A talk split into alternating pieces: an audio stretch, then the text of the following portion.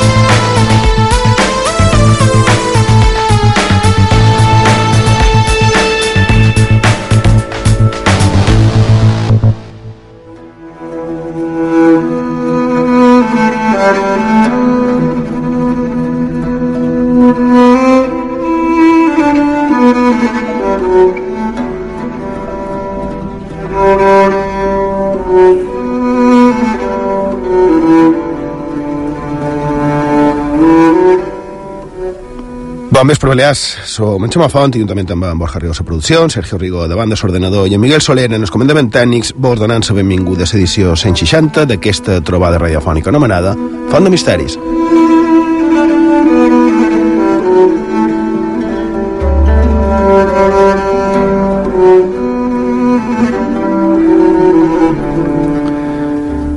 I bé, com solem fer en el començament, no és que sigui una secció del programa, però bé, com va, va sortir a, a, en els diaris no fa molt de dies que aquest any 2017 hi haurà encara més mort de famosos que l'any 2016 que en va haver un bon grapat no? i no ho va dir com a profecia sinó com a una realitat lògica ja és un cas mm, qualque dia comentarem aquesta història de per què s'han de morir més famosos l'any 2017 que no el 2016 però un altre que aquesta setmana ha pres el darrer viatge d'aquesta tarda, d'aquesta vida, ha estat en William Peter Blatty.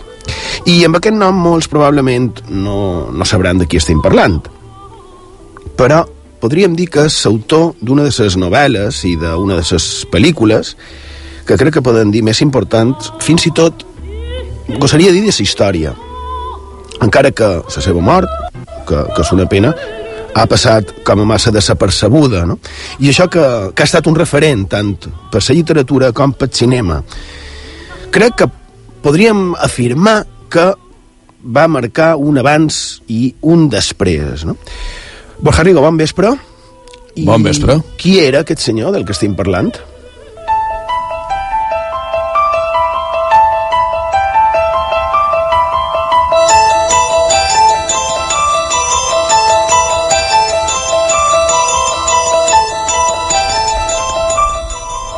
Bé, jo crec que amb aquesta música que està sonant és fàcilment identificable. No la va composar ell, tothom, quasi tots els oients sabran per la transcendència que va tenir que estem escoltant eh, la primera part de, de Tubular Bells, de Mike Oldfield, eh, aquella que van emprar per la pel·lícula, per la pel·lícula Sexorcista, i en això anem, precisament. En William Peter Blatty va ser eh, l'autor de la novel·la en la qual se va basar la pel·lícula. També va participar molt activament dins el uh, que és rodatge i, i, fins i tot, i, guió, i fins i tot va dirigir la tercera part que és una, una dada més o manco desconeguda. I la veritat és que el que apuntaves tu fa un moment és una pèrdua que ha passat molt desapercebuda perquè malauradament ell va passar molt desapercebut durant el manco les darreres dècades.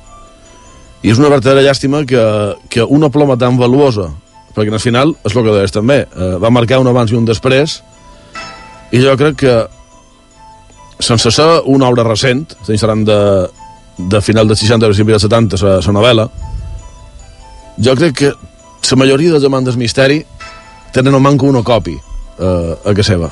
Ben segur, però és que a més també està la part que podríem integrar dins el món religiós i és que les darreres dècades s'associa el, el fenomen de les possessions demoníaques precisament en aquesta pel·lícula, a l'exorcista.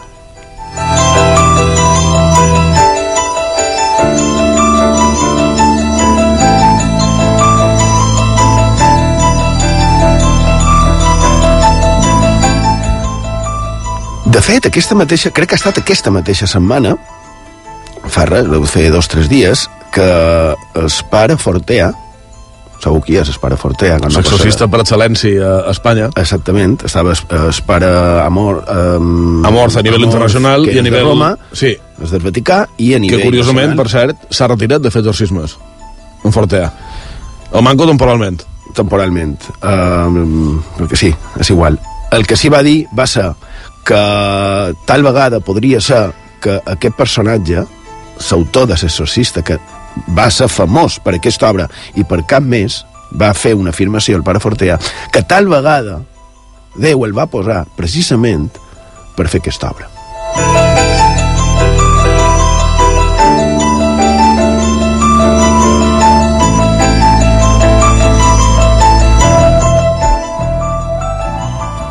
però no, no deixant de xerrar de Mike Oldfield per, per diversos motius. El primer, com a dada curiosa, que aquesta peça que està sonant, de, de Tubular Bells, se va emprar a la pel·lícula sense el seu consentiment. Ningú el va avisar.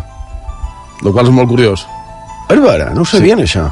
Ja, va disparar ses, ses bandes des, del disc, evidentment, i també eh, va, va disparar ses visites en el, en el cine per veure aquest, aquesta pel·lícula. Però no està en els plans d'en Mike, sincerament, fer, fer això. És, és interessant, jo crec que no han parlat encara de possessions demoníaques com a tal, a Font de Misteris, mos haurien de, de plantejar, i després me volies dir, volies comentar qualque cosa també de, de Mike Oldfield. Sí, una, una nova cosa que, per cert, sona així.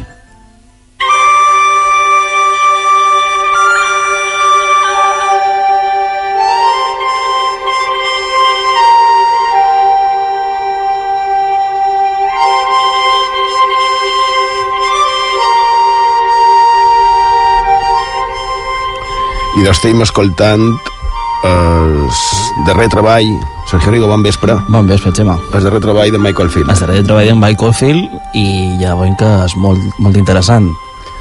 És un, és un retorn a l'origen i, bé, de fet, el disc se diu uh, Return to Home Down, que és la segona part del disc Home Down que va publicar l'any 75.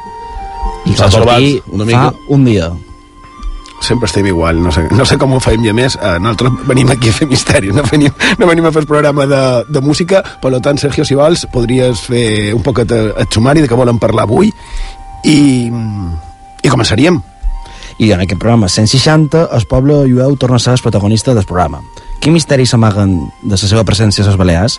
Quines foren les seves vivències? A la darrera part del programa repassarem l'actualitat de la setmana a món diversos i, i llegirem els missatges dels oients a la secció de xarxes socials.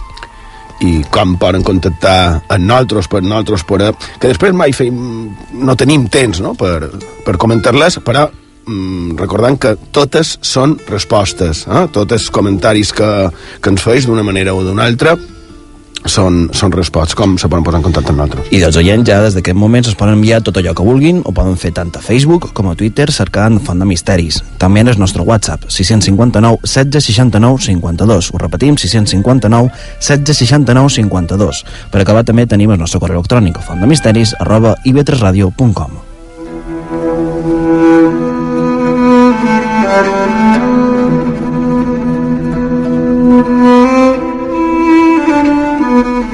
Recordant també que ens podeu seguir a Instagram cercant Font de Misteris IB3 i també podeu escoltar tots els nostres programes en el servei a la carta d'IB3 Ràdio a ib3radio.com, a ivox.com i a fontdemisteris.com.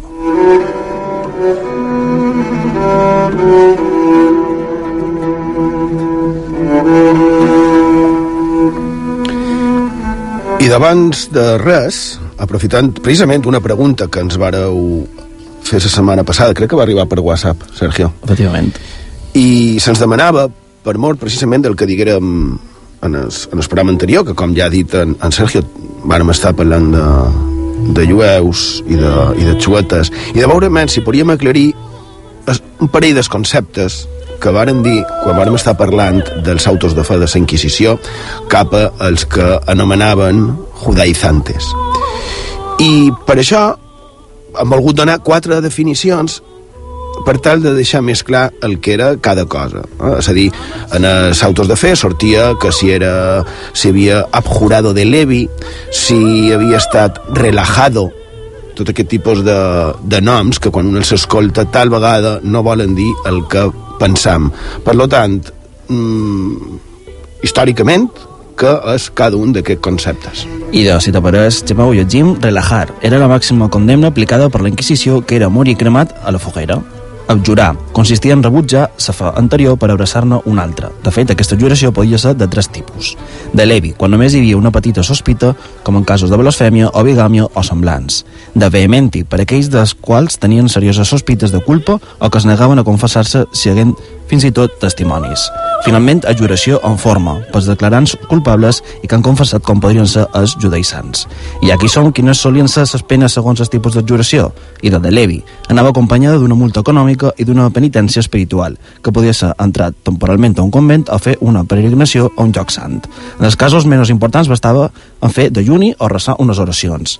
Les altres dues, de vehementi en forma, comportaven usualment càstigs molt més terribles, com condena a galeres, a remar, fins a, fins a 200 fuestudes i desterro. I quan se condenava a mort? Només quan s'acusat era reincident.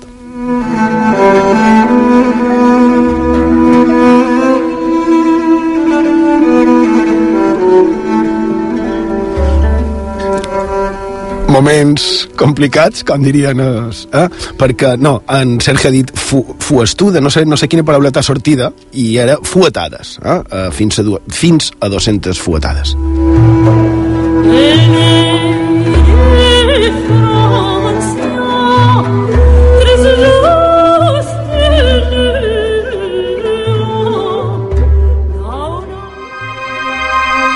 On la història es torna llegenda a on el més quotidià es torna màgic. Acompanya'ns a la nostra font de misteris a IB3 Ràdio.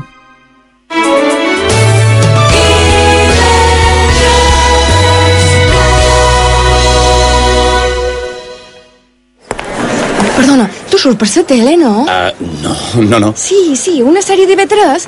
És en Rodó Gené? Bé, sí, però perdona, és que ara estic aquí amb una amiga i volem anar a veure una Ai, pel·li. perdona, perdona, no vull molestar. Ai, si és una de la piraita de Sunflowers.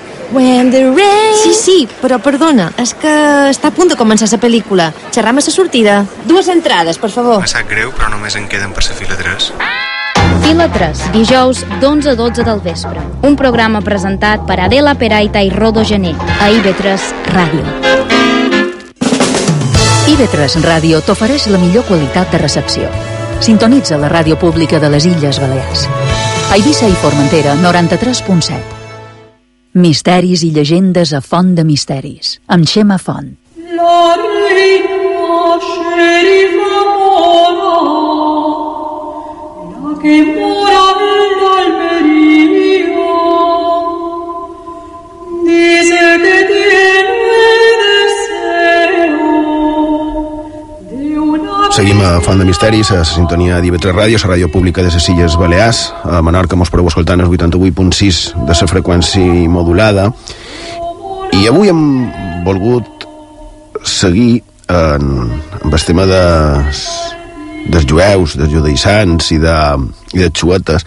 Més que res perquè volien donar quatre pinrellades més, mm, està clar que, que és un d'aquells temes que ho té tot, no?, per ser tractat, eh, nosaltres pensam així, per ser tractat un programa com el nostre, però de moment, de moment ens estem fixant bàsicament en tot allò que van haver de sofrir aquella pobra gent, no? aquells que només només tenien un llinatge que segles enrere havien estat senyalats com el de qualcú en creences jueves.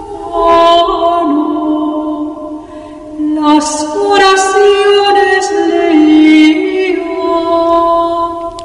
verdaderes calamitats que els hi van fer patir com a individus, però també com a, com a col·lectiu. Hi ha molt de casos.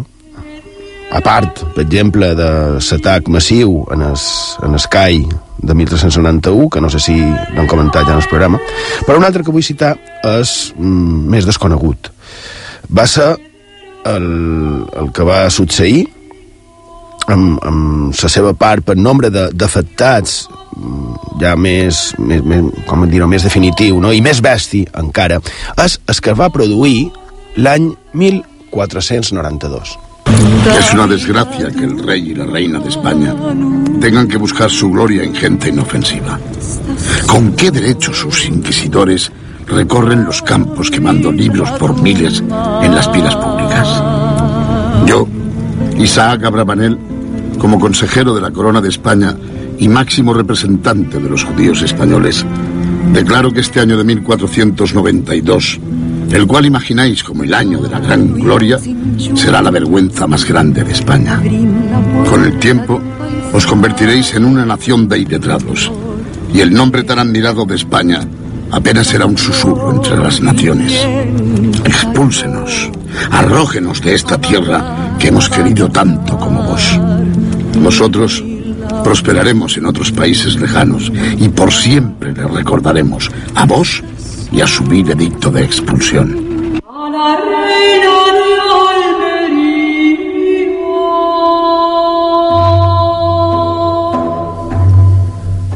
I d'aquell any, famós per molt de fets, com per exemple l'arribada de la corona espanyola a Amèrica, a part de la derrota total a l'actual territori espanyol dels antics habitants, els coneguts com a els moros, no? a l'anomenada Reconquesta, i l'expulsió dels jueus del territori sota el domini dels reis catòlics, on va passar el que ja era costum fa tant de segles. No, no va ser diferents. Va ser tema com sempre, no? Van ser maltractats allà on anaren, fins i tot els del nord d'Àfrica. Aquells mateixos que varen col·laborar en fer tan famosa la cartografia mallorquina, aquelles cartes de marejar, no? que a nivell internacional a dia d'avui es reconeixen com de les més completes de, de els plenisferis mallorquins. No? Aquí entraríem en tot el tema dels jueus cartògrafs i particularment, evidentment, d'en Jafuda i, i d'Abraham Cresques i, i les seves famílies, deixebles, companys, l'escola jueva, no? que era com se la coneixia. I de, estava, segons un escrit de 1934, estava aquesta escola admirablement documentada damunt de Sàhara i això era pels negociants jueus que abundaven en els oasis d'allà. I aquí ve la part negativa, ja que diu aquest escrit que entre els hereus d'aquests jueus negociants a Àfrica que ajudaren a fer les famoses cartografies mallorquines feren l'any 1492 una matança als musulmans. Només és una frase, a un text referit, eh, en aquest cas, a una altra matança que el Manco jo personalment desconeixia com a tal. No? 1492, els treuen d'Espanya, es refugien on, on van emporar. Els que van en el Magreb, molts d'ells són directament esclavitzats, esclavitzats només en pujar en els vaixells, directament allà esclavitzats, perquè sí. Eh? Mm, no oblidem que estem parlant de persones que varen haver d'abandonar terres espanyoles que duien molt d'any, moltes de generacions i generacions dins la terra, no? Si prengueren tot lo valuós, no podien dur ni d'obès, ni or, ni plata, ni peces de valor, només els estris, els mobles i, i robes, els feren fugir. Mm, diuen que d'haver 150.000 varen haver de sortir 1492. És una barbaritat de gent també des d'un punt de vista percentual. No? L'altra solució que tenien per tal d'evitar la seva condemna era precisament convertir-se en el cristianisme. Així, tal vegada, només tal vegada, ho podrien tenir una miqueta més bé. No? Però ja veiem que molts dels que varen fugir dels que varen ser obligats a fugir, que no és el mateix, reberen un tracte igual o encara pitjor que els que quedaren aquí. Otro nombre te oh, oh, oh. Si tú eras la melilla, otro nombre te metía. És que la història dels jueus és una història de constant emigració, de, de fuita, de magarçar. I, com dèiem, els que es quedaven es convertien eh, en el cristianisme, o ho deien, i rebien normalment un tracte de ja ferest.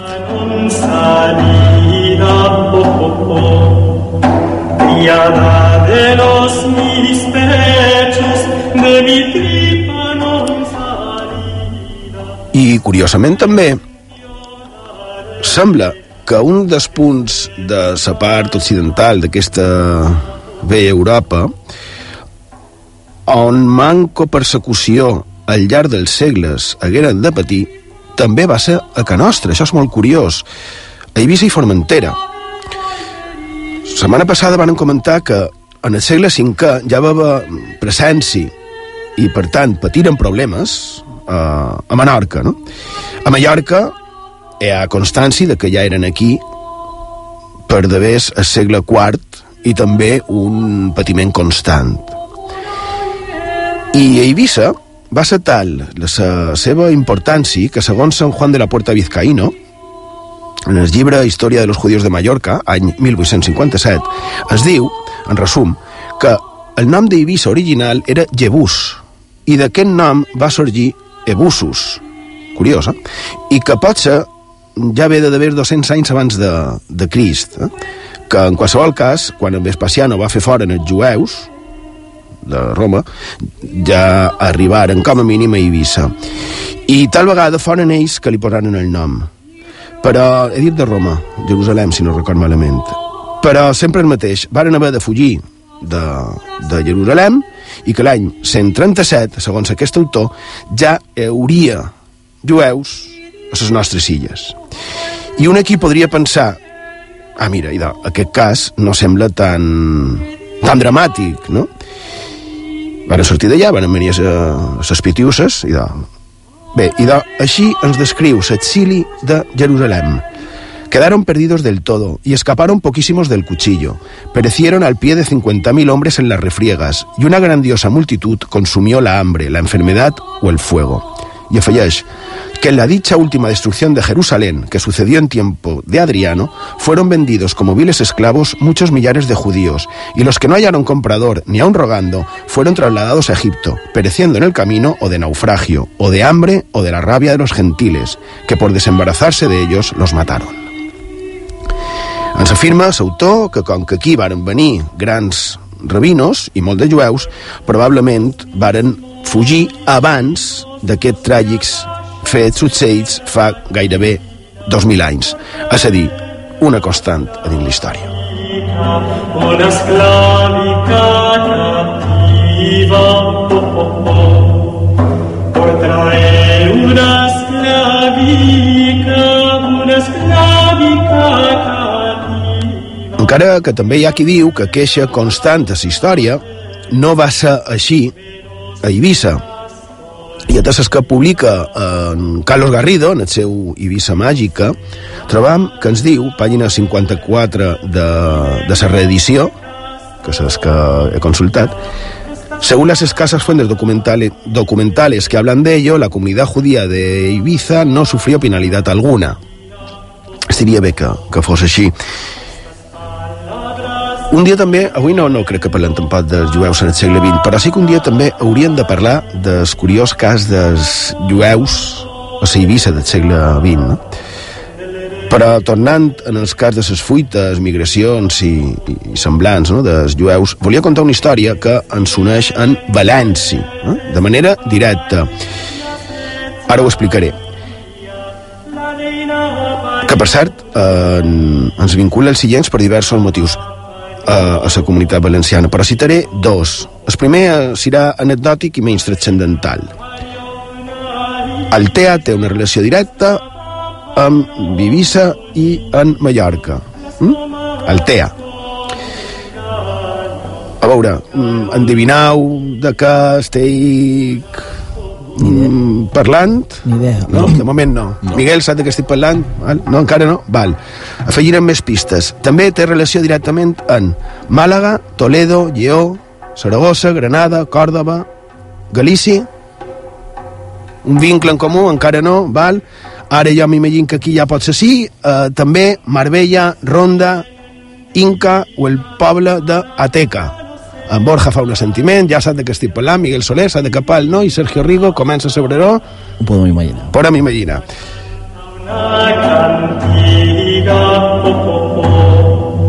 Así viva Bé, evidentment, tots ells són pobles o ciutats espanyoles i són o han estat models de la marca de cotxes Seat. Eh? Fixeu-vos, Seat Màlaga, Seat Toledo, Seat León, el Seat Ateca, Salambra, eh? Salambra també és una ciutat antiga, però és una ciutat. El Seat Ronda, el Seat Marbella, Seat Arosa, i com no, el Seat Altea, el Seat Ibiza i un massa desconegut, Seat Inca. Si tú eras la Melilla, otro nombre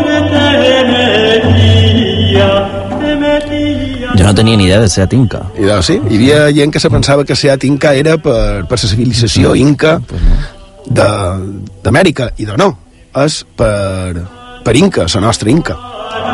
Nombre de una hermana mía, criada de los mis pechos, de mi tripa Bé, i de, després d'aquest comentari una mica neta anecdòtic que sembla estaret d'una pregunta de, d'estrivial, no? Eh, o d'Esmira Perón, que ha tornat eh, a la televisió, i dona verdadera i seriosament en la relació entre Altea i les nostres illes.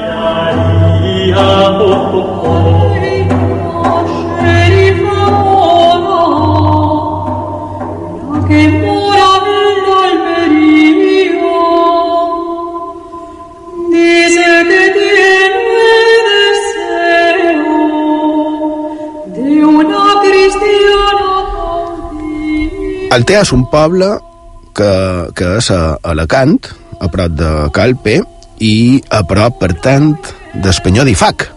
És una curiosa aquesta relació, perquè és aquell màgic punt de la costa del Llevant que hi ha molts que li atribueixen particularitats màgiques i, a més, relacionat, com no, en, amb el Vedrà, no que en el cas d'Espanyol d'Ifac està aferrat a la costa, és vera que és imponent, eh? quan un el veu allà és com es Vedrà quan un s'hi atraca.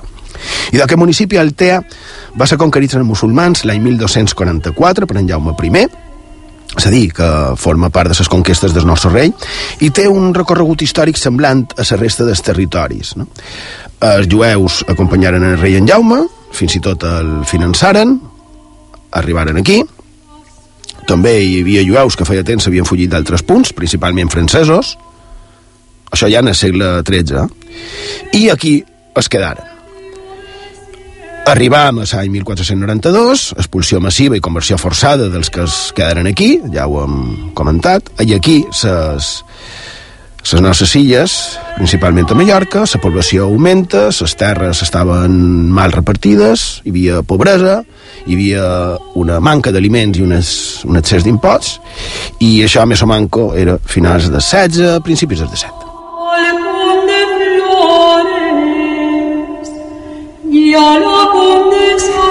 Curiosament, com ja havia passat en altres ocasions, com per exemple l'any 1381, recordem que després només 10 anys va haver la matança d'Escai Major de Palma i 1381 se'n van illencs a repoblar Teulada, Pego, Javea i Dènia.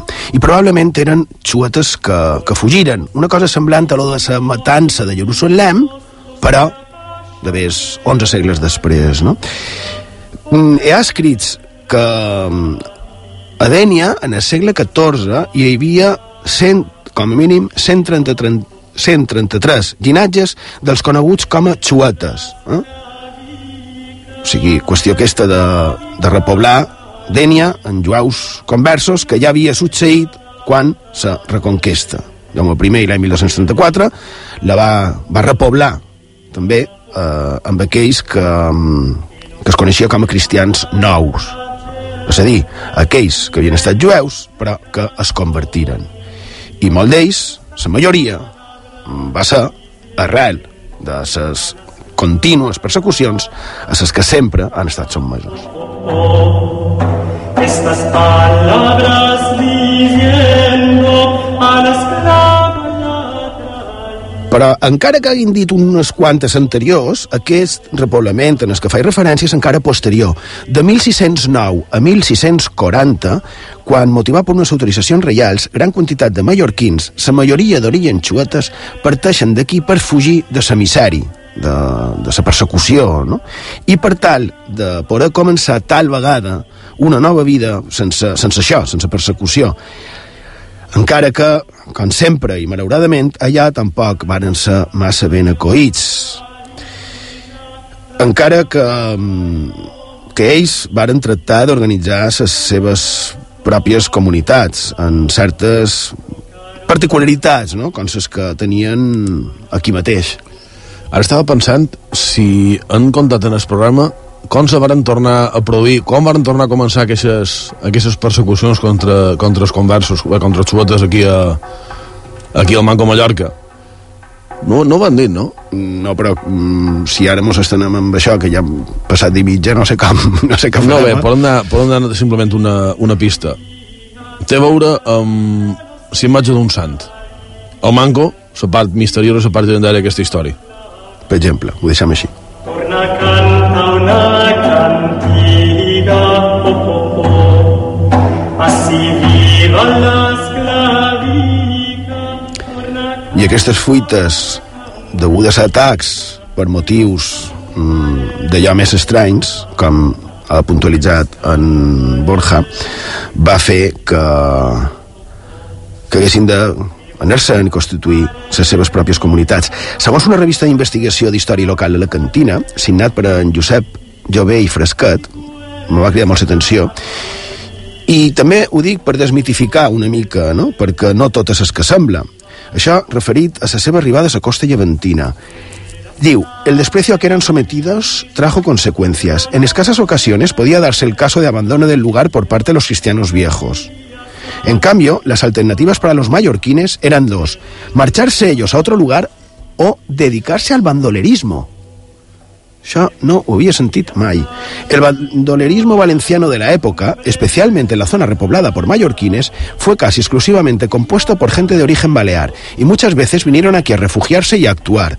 Bandoleros que habían ejercido esta profesión en Mallorca, casi siempre como consecuencia de la marginación, el desprecio y los abusos a que eran sometidos a causa de su raza y religión. Después, afegeix, no se dan los matrimonios mixtos debido a lo anteriormente mencionado, pero sobre todo a la costumbre judía de casarse entre ellos. Això ho estar comentant amb, amb Manel Quadreny. Y eh, seguir parlant dels matrimonis y a ser posible entre vecinos del mismo lugar mallorquín de procedencia, lo cual demuestra documentalmente en este caso hasta la cuarta generación y se sigue practicando actualmente, por lo menos entre muchas familias ricas de la misma raza, para unir fortunas. Diu que actualmente encara se fa. ¿no?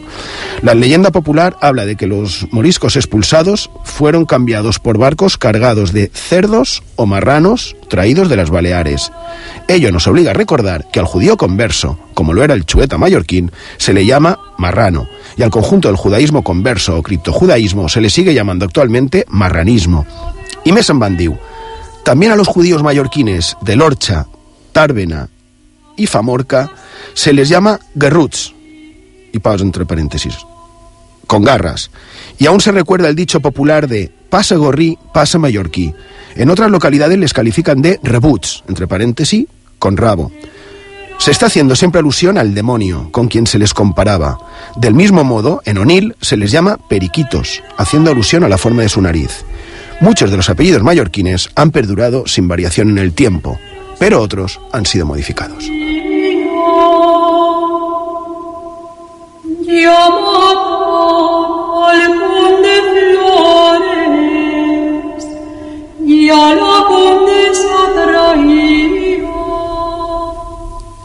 De fet, eh, en relació amb això que estàs contant dels matrimonis, hi ha un, una dada curiosa que, que va succeir aquí a Palma.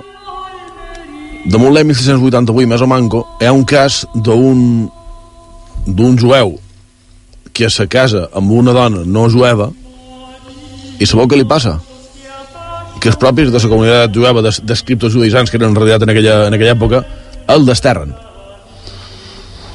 Curiós, eh, haurien d'analitzar també tornar a analitzar es, es per què es produïen aquest tipus de situacions.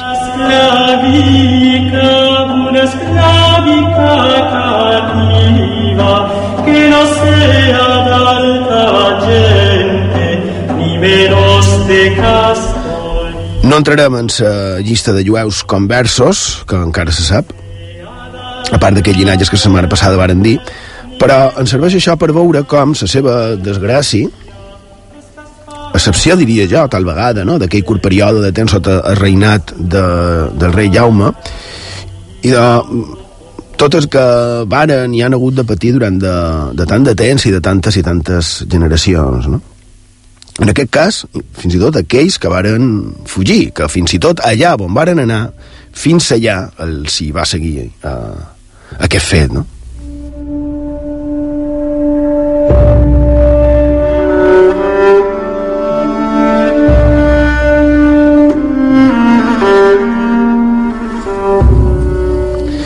Clar, tots aquests que varen haver de fugir cap a la comunitat, l'actual comunitat valenciana i que, ho, i que ho varen com passar com ho varen passar, i mentre aquí, principalment a Mallorca, que era l'origen d'ells, de festa, perquè tota aquella gent que havia fugida, independentment del que els hi passàs, això eh, poc els importava, i de, aquella gent ja no menjaria aquí, així tindrien més que viures per als que romanien aquí, no?, a Silla de Mallorca.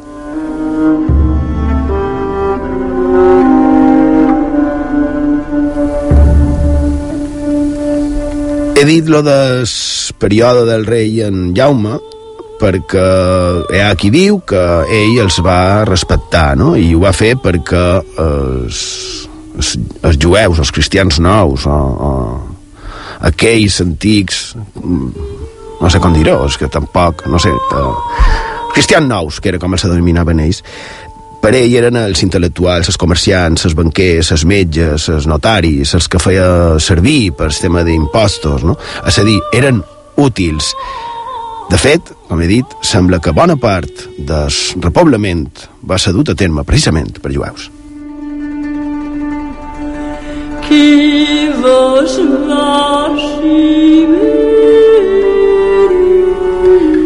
I tant és així, tant de respecte els, els tenien, que fins i tot els hi deixaven, és una pena, no?, haver, haver de dir-ho d'aquesta manera, o sigui, els, els hi permetien, abans de les seves contínues persecucions, en aquell interval de persecucions, tenir la seva pròpia relació en, en sa mort.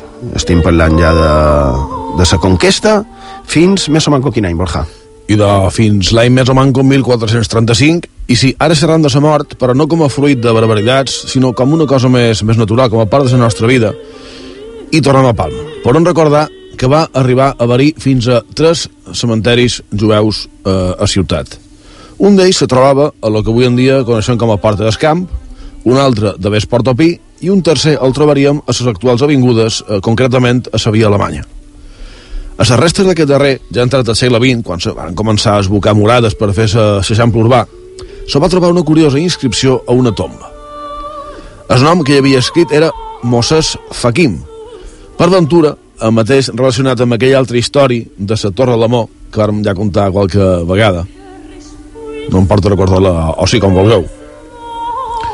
Bé, els cementeris eh, per jueus eren de vital importància, però qui s'encarregava d'ells?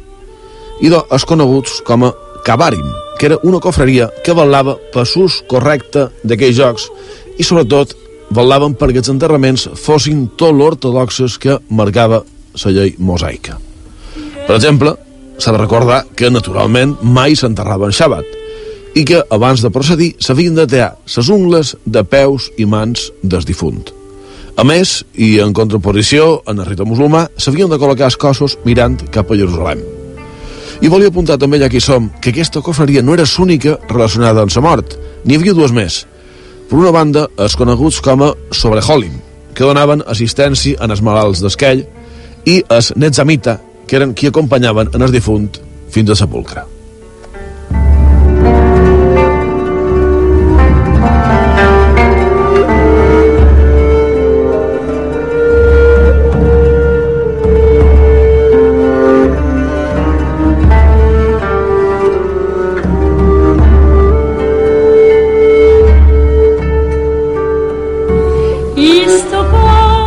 És curiós veure com al llarg del temps els jueus, direm ara sí els xuetes, van ser més respectats per la noblesa, per poder, per això que dèiem, no? perquè s'havien de menester. És curiós aquest, aquest fet que sembla que es repeteix en els temps i també en qualsevol grup. No? En canvi, els nobles això, però en canvi el poble els hi tenia els més grans des, desprecis, no? Per enveges i també per fet, diria jo, de tenir, de mantenir un enemic comú, no? Fent-se fins i tot popular, si se'n permet la paraula, anar a abusar d'ells i, i anar a cercar-los fins i tot a casa seva.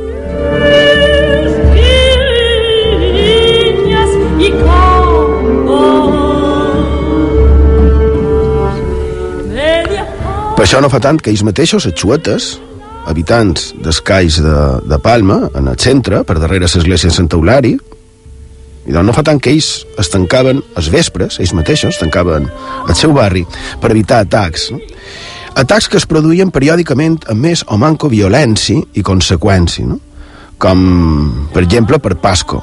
Però clar, com ells van ser que van matar el bon Jesús, així, tal qual. Feia molt de segles, evidentment, però era igual, els hi donaven sa culpa. També per causes de desgràcies que els hi eren atribuïdes, és a dir, si se produïen incendis, epidèmies, eh, sequeres, tempestes, inundacions, qualsevol fet podia ser atribuït a les seves suposades heretgies i els seus conciutadans, en tantes generacions com ells aquí, es pensaven en superioritat per poder anar a agredir-los. Que parezca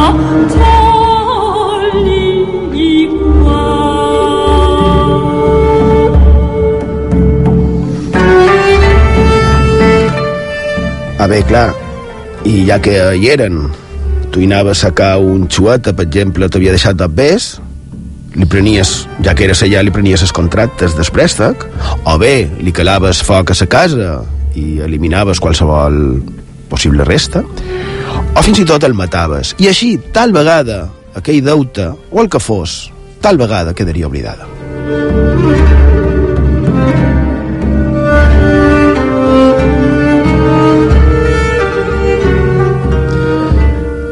La història, no? Massa sovint repetida.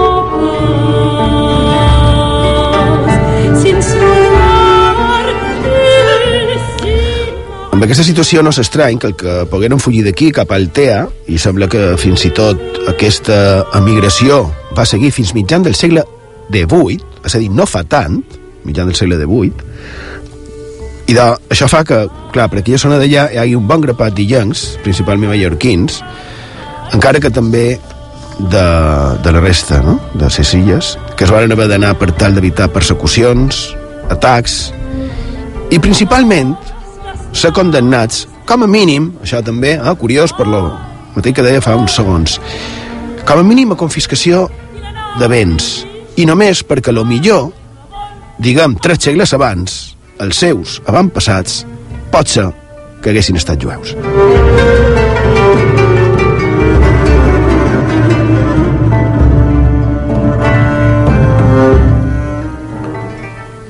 La veritat és que gratem, però on gratem, és increïble la història d'aquest col·lectiu.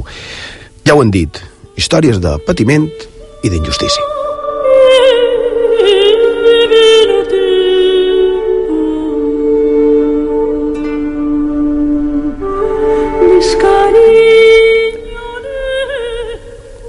queda claríssim en tots els paperums i els llibres que tenim damunt la taula, Borja Sergio, que haurem de continuar parlant de tal vegada ja entrant els misteris directes relacionats amb aquest col·lectiu, eh? si vos sembla sí, perquè mos, mos han quedat jueus bruixots, cercadors de tresors i històries ben estranyes. És un tema que dona per molt. I ben estranyes, com aquell que fins i tot va, ser, va estar a l'acord i era d'origen xot. No, no, és que si no, si el que han de fer, mos diu en Miguel, és fer la darrera pausa i de feim això, fem una petita pausa i tot d'una continuem aquí, a Font de Misteris, a IB3 Ràdio, la ràdio pública.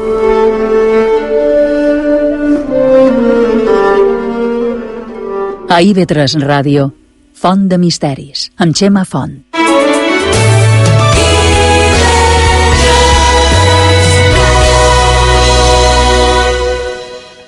Pa, para, para, pa, pa. Na, na, na, na, na, na. na na na na na la la la la la la la la la la La gran vida amb Cristina Bugallo i Laura López. Dissabte i diumenge a les 11 del vespre a ID3 Ràdio.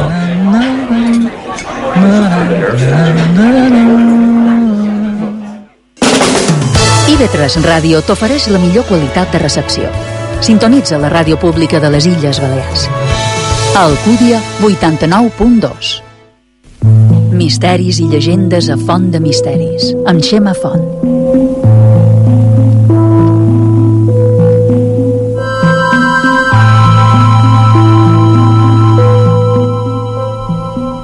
Seguim a la sintonia d'IV3 Ràdios, Ràdio Pública a les Illes Balears, a Eivissa i Formentera mos podeu escoltar en el 93.7 de la freqüència modulada, a Sant Josep en el 89.7, per cert. I aquestes casualitats, ara començam aquesta secció molt ràpid, que nosaltres som anant molt diversos, on espipellem una miqueta el que trobam a la premsa, el que mos comentau vosaltres relacionat amb, eh, l'actualitat. I quines casualitats, no? La setmana passada, dissabte passat, vàrem estar parlant de xuetes i um, ens hem trobat que crec que ha estat aquesta mateixa setmana perquè mos heu enviat el retall de premsa fent-mos veure que, que ha sortit això, Sergio Rigo, que, que ha sortit. I de segons han conegut aquesta setmana per l'Ajuntament de Palma, la xueta Caterina Tarongí, quemada viva en 1691, tendrá una calle. La Comisión de Toponimia de Cort ha acordado dedicar una calle a Caterina Tarongí. Las zonas que mira Cort son, son Españolet e incluso el terreno, zona donde fue quemada.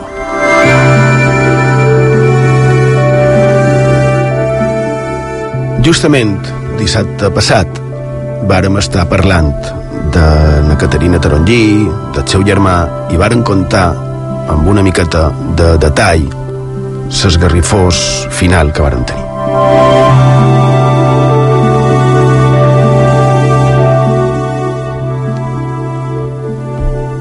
Una altra una miqueta més simpàtica, eh? Sí, ara ens anem fins a Ibiza perquè, segons ens dit el periódico de Ibiza, este fin de semana regresa una nueva edición del ciclo al Museo en Familia, que organizan de forma mensual los responsables del Museo Arqueológico de Ibiza. La primera cita se celebrará el sábado y el domingo en la Casa Payesa Esporchet de la Vila, de 11 a 1 horas, y lleva por nombre Cuando los dinosaurios poblaban la Tierra. Las actividades están dirigidas a grupos familiares que están compuestos por al menos una persona adulta y uno o más niños de entre 6 y 12 años, y tiene un coste de 4 euros por participante. Jo he estat mirant l'agenda i la previsió de, de les cites que volen fer els dissabtes de matí i la veritat és que per tots els que estàu a Eivissa jo crec que realment paga la pena.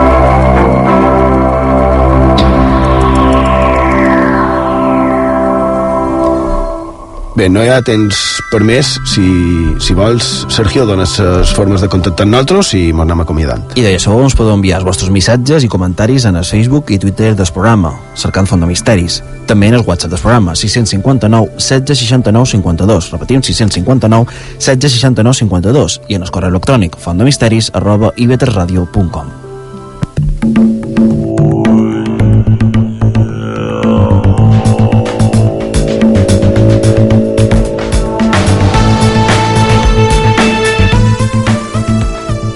I d'hem arribat a la fi del programa d'avui. Esperem que heu passat una estona agradable i que hagueu pogut treure qualque cosa de profit d'aquesta font de misteris.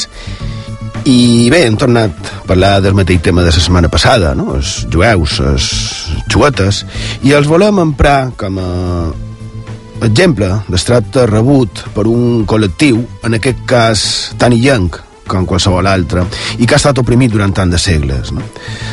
Recordem que tot això va ser només pel fet de que els seus avantpassats potser varen tenir certes creences religioses. I un es demana com és possible que fins no fa tant aquí mateix, aquí, a les nostres illes, succeís això d'atacar, marginar, vetsar, insultar, torturar i matar a una altra, com la Caterina Tarongí, per els déus en els qui dedica les seves oracions. No? Davant de veres, tant importa si creus en, en un o en un altre? A vegades un pensa lo ridícul que podria ser si no fos un tema tan seriós, no? Digueu-me, si no, perquè fins i tot hi ha una religió que està, no sé com es diu, homologada, que és el pastafarisme. No té res a veure amb Bob Marley, lo d'ell era rastafarisme. Aquest pastafarisme és nova i diferent. Els seus seguidors, adeptes, creients, o com es digui, mengen pasta, eh? beuen cervesa i parlen de religió i de fe. El seu déu és es Moesbo, que és el monstre sembla que estic parlant de guassi, no? Monstre de l'espagueti volador. No m'ho estic inventant. És una religió acceptada, per exemple, a Holanda, des de fa ara, just ara, fa un any. Mm, aquí l'Audiència Nacional ha dit que no, que no són una religió, però, per exemple, a Holanda tem per mi que els seus capellans, els capellans de la religió, del pastafarisme, et poden casar legalment.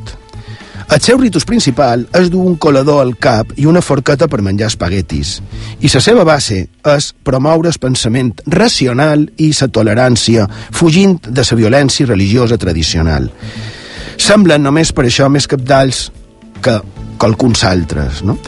perquè efectivament ja sembla que és com, com si fos una tradició, no? que encara hi hagi violència vinculada a massa religions, i sincerament no crec que cap déu, ni dels clàssics, ni, i majoritaris, com tampoc dels pastafaris, no? que, que més aquest està representat per dues mandonguilles, dues pilotes, no? el bòndigues en castellà, amb un grapat d'espaguetis. I doncs no crec que ni aquest ni els altres vulguin la violència que es du a terme amb el seu nom.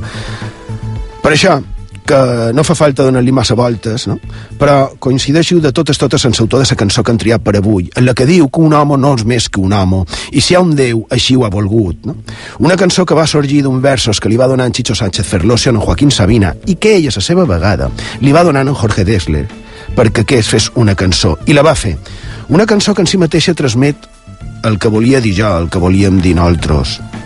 No hay piedra en el mundo que valga lo que una vida. Yo soy un moro judío que vive con los cristianos. No sé que Dios es el mío, ni cuáles son mis hermanos. No hay muerto que no me duela, no hay bando ganador. Val la pena parar atenció a la lletra. Tant de bo, si a nivell global tots penséssim igual, s'hauria acabat gairebé tots els problemes. Milonga del moro judío, Jorge Dexler. Allí Pau, bona nit. Gràcies per la vostra companyia i fins la setmana que ve. Por cada muro un lamento. En Jerusalén, la dorada y mil vidas mal gastadas por cada mandamiento. Yo soy polvo de tu viento y aunque sangro de tu herida y cada piedra querida,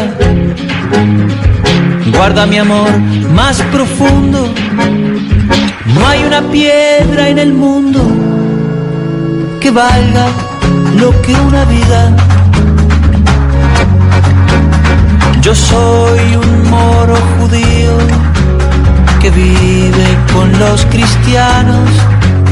No sé qué Dios es el mío, ni cuáles son mis hermanos. No sé qué Dios es el mío cuáles son mis hermanos.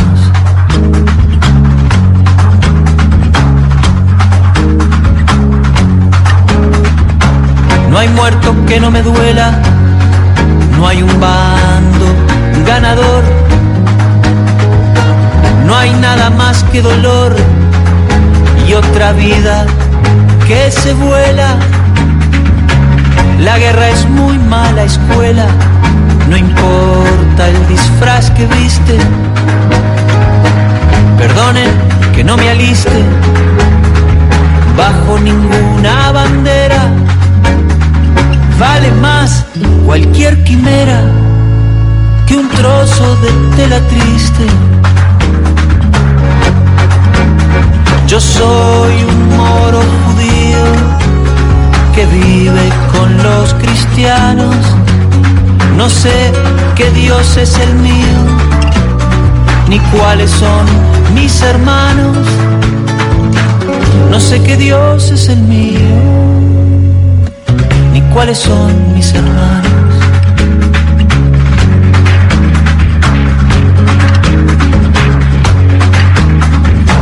Y a nadie le di permiso para matar en mi nombre un hombre no es más que un hombre. Y si hay Dios, así lo quiso, el mismo suelo que piso, seguirá, yo me habré ido, rumbo también del olvido, no hay doctrina que no vaya. Y no hay pueblo que no se haya creído el pueblo elegido. Yo soy un moro judío que vive con los cristianos, no sé qué Dios es el mío, ni cuáles son mis hermanos, no sé qué Dios es el mío ni cuáles son mis hermanos. Yo soy un moro judío que vive con los cristianos.